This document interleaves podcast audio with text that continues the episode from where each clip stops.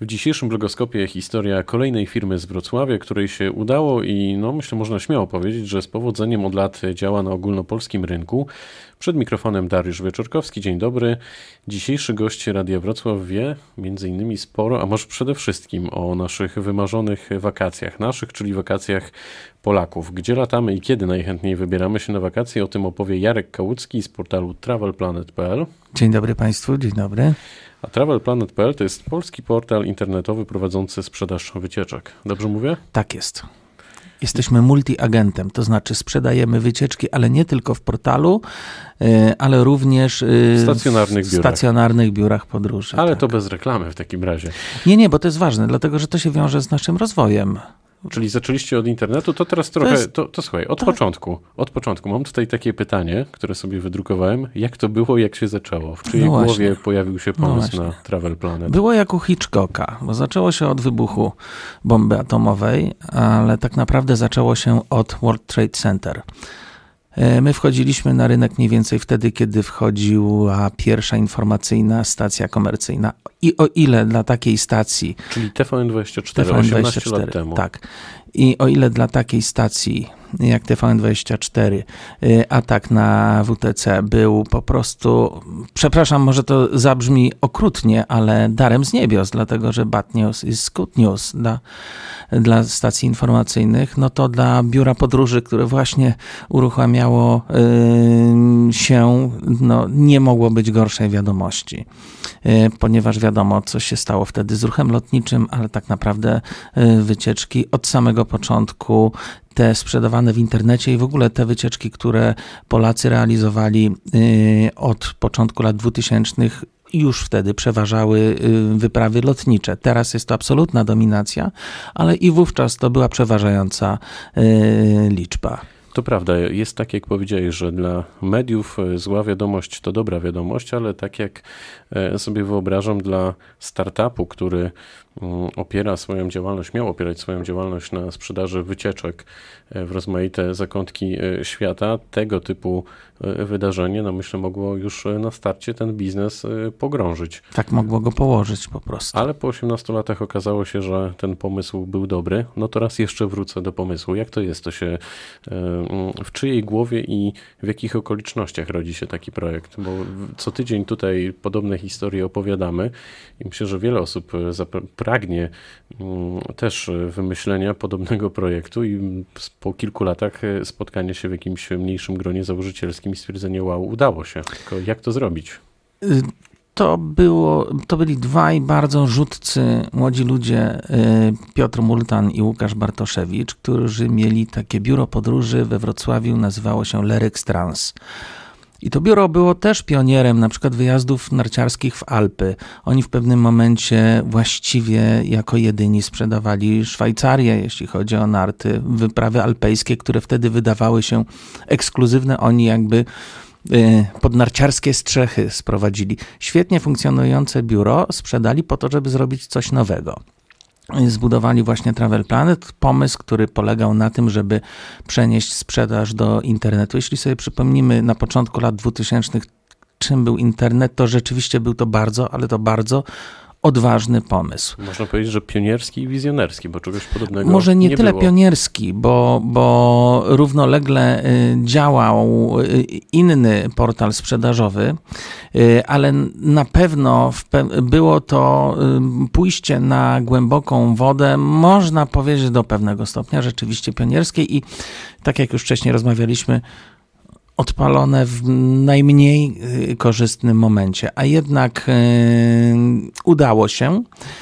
Paradoks polega na tym, że biuro, które miało sprzedawać w internecie po pięciu latach od momentu y, założenia, weszło na giełdę po to, żeby zebrać pieniądze na punkty stacjonarne, czyli, Czyli trochę odwrotnie niż zazwyczaj. Dokładnie. Tyle, że te punkty stacjonarne nie miały być y, takim jakby y, drugą nogą biznesu w, w założeniu, tylko one miały jakby uwiarygodnić coś, co było dla ludzi abstraktem. Bank internetowy, biuro podróży internetowe, do takiego biura podróży cała rodzina idzie i wpłaca 10 tysięcy złotych i nie wie, gdzie jest, w, w, w, jakiejś sieci, w jakiejś przestrzeni, ale nie ma do kogo zadzwonić, nie ma gdzie pójść, nie ma tego, yy, nie ma możliwości, żeby tego dotknąć. Dlatego powstały te punkty yy, naziemne, które były bardziej troszeczkę taką wizualizacją tego biznesu niż jakby cofnięciem się. Ile czasu zajęło rozkręcenie projektu do takiego rozmiaru, że faktycznie wiedzieliście, że warto to robić, warto iść w tym kierunku?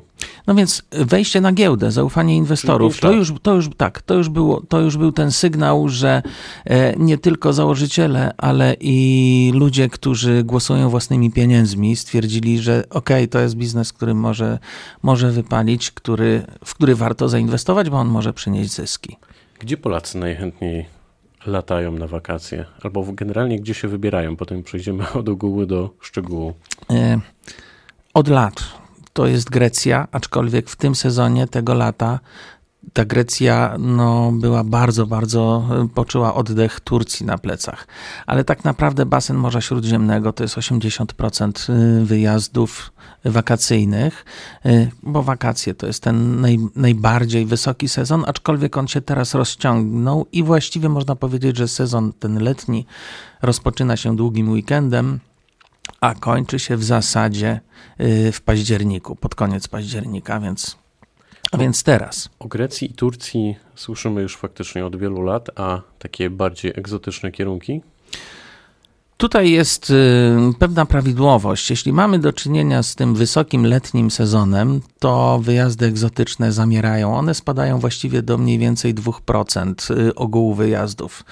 Y, jeśli kończy się ten sezon letni, to zaczyna się sezon, który my nazywamy sezonem egzotycznym. I właśnie on się teraz zaczyna i trwa mniej więcej do połowy kwietnia. I wówczas ten odsetek wyjazdów skacze do kilkunastu, czasami nawet do 20%. Jest kilka powodów, dla których ludzie mm, wybierają akurat właśnie y, od jesieni do wiosny wyjazdy. Przede wszystkim y, latają na inne słowo, półkule, prawda? To fajnie właśnie brzmi, jak teraz rozmawiamy w studiu radiowym, gdzie za oknem popaduje sobie deszcz, jest szaro, ciemno, nieprzyjemnie, a rozmawiamy o takich e, słonecznych destynacjach. Tak, tak, tak, bo to jest właśnie pogoń za tym słońcem. To jest troszeczkę takie jeszcze przedłużenie sobie lata. Yy, latanie na inne półkule, yy, gdzie teraz na przykład zaczyna się wiosna. To jest bardzo mm, powiedziałbym, iż coraz mniej ekskluzywny, o tak, powiedziałbym, że to jest coraz mniej ekskluzywny sposób yy, ładowania akumulatorów, poznawania świata. Jest pewien powód, dla którego tak się dzieje, to jest polityka biur podróży, które y, od kilku sezonów yy, jakby również chciały sprowadzić tą, tą egzotykę pod strzechy. Y, ceny takich wyjazdów spadają. Mm, powiedzmy, teraz do Emiratów można pojechać właściwie w cenie wycieczki do Egiptu, no właśnie, a jednak to, to jest a jednak to jest egzotyka już. To kiedy najlepiej, albo inaczej mówiąc wprost, najtaniej polecieć gdzieś na drugi koniec świata? Nie ma takiej reguły, e, dlatego że w różnych miejscach mamy e, różne takie okresy promocyjne. Powiedzmy, e, jesień teraz to jest bardzo dobry czas, żeby polecieć, mówię ze względów finansowych, żeby polecieć na Karaiby. Bardzo dobrze sprzedają się wycieczki w styczniu, kiedy mamy dwie, dwie, takie grupy turystów. Jedni jadą na narty, a inni, którzy nie jeżdżą na narty, jadą y, albo do Egiptu, albo na Wyspy Kanaryjskie, ale coraz częściej na wyprawy egzotyczne, które dzięki tej polityce biur podróży ich ceny zostały sprowadzone właściwie do takich, no, trochę lepszych nart z jedzeniem i, i z karnetem. Można powiedzieć, że to jest alternatywa. Możemy pojechać, nie wiem, do Austrii, Szwajcarii czy Francji na narty, albo możemy pojechać na przykład do Gambii, albo do Tajlandii, albo na Dominikanę i to mniej więcej będą te same pieniądze. Bardzo dobre Właśnie są. Ile średnio wydajemy pieniędzy na wakacje? Zakładam, nie wiem, 10 dni, bo to jest chyba najpopularniejsze.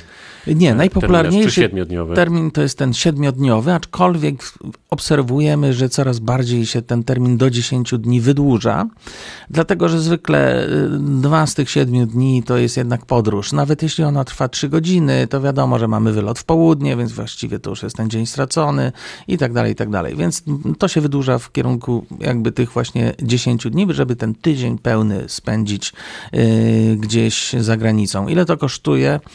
Y, w najwyższym letnim sezonie średnio y, wyjazd na osobę to jest mniej więcej 2,5 tysiąca złotych, ale co jest bardzo ważne i co warto podkreślić, bo 2,5 tysiąca złotych to brzmi, no, że to jest sporo, ale w tym mamy przelot.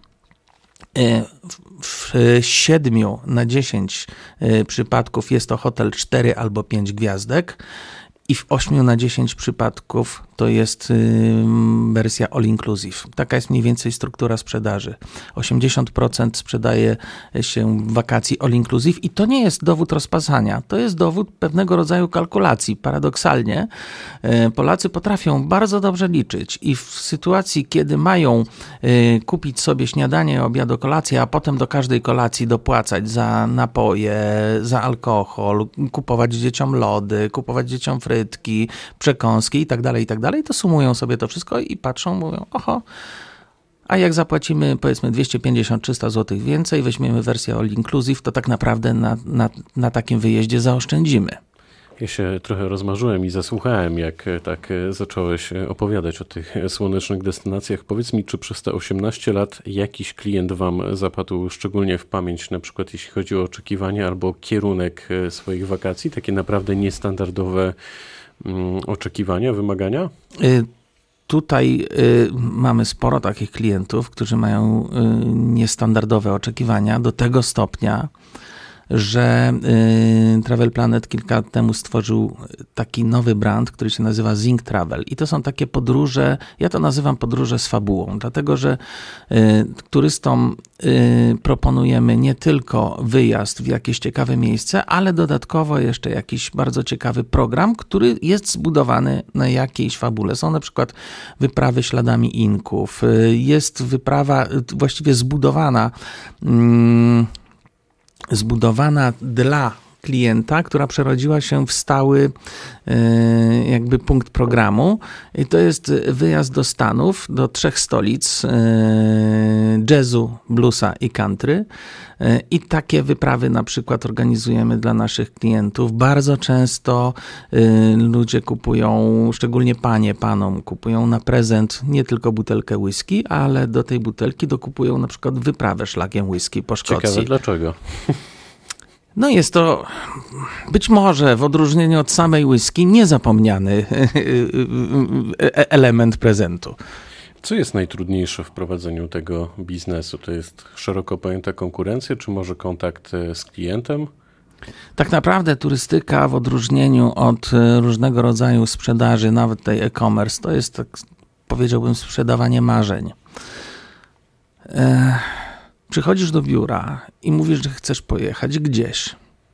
I ludzie, którzy mają jakieś oczekiwania, ale nie do końca, ponieważ podróże kształcą dopiero jak się jest na nich albo jak się z nich wróci, ale jedziemy po to, żeby coś zobaczyć. Czasami, bardzo często, nawet nie wiemy dokładnie co. Tak? I człowiek po drugiej stronie, yy, słuchawki, sieci, yy, biurka, musi po prostu przede wszystkim pokazać, że jest profesjonalistą, ale też, że ma tę pasję i potrafi tę wycieczkę sprzedać w ten sposób, że ojej, tak, ja chcę pojechać tam, bo tam jest po prostu pięknie. Potrafi opowiedzieć o, o, o tym miejscu, które wybieramy, albo, albo przekonać do jakiegoś innego miejsca y, na podstawie y, y, preferencji, powiedzieć: Proszę pana, dla pana nie Grecja, ale Turcja egejska jest fantastyczna, dlatego że pan chce zobaczyć coś, co się wiąże z mitologią, ale połowę mitologii jest właśnie w Turcji egejskiej.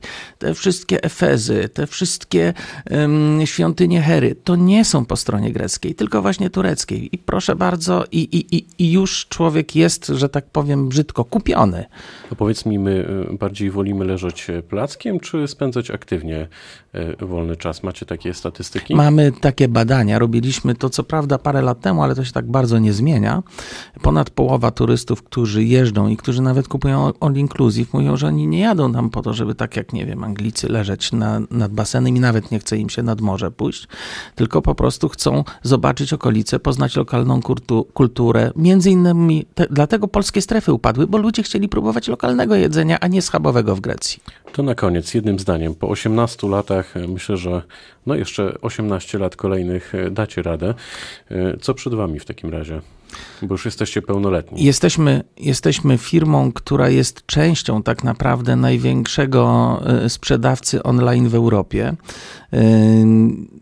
Nie mogę na razie powiedzieć, ale dla klientów będzie to naszych bardzo, bardzo duże, miłe zaskoczenie, to co będziemy wprowadzali od przyszłego roku. Czyli już niebawem. W takim razie trzymamy kciuki i będziemy, no, będziemy obserwować, informować. Jarek Kałucki z portalu travelplanet.pl przybliżał historię tego projektu. Bardzo dziękuję za spotkanie. Dziękuję bardzo. A to był blogoskop, pytał Dariusz Wieczorkowski. Dobrego popołudnia.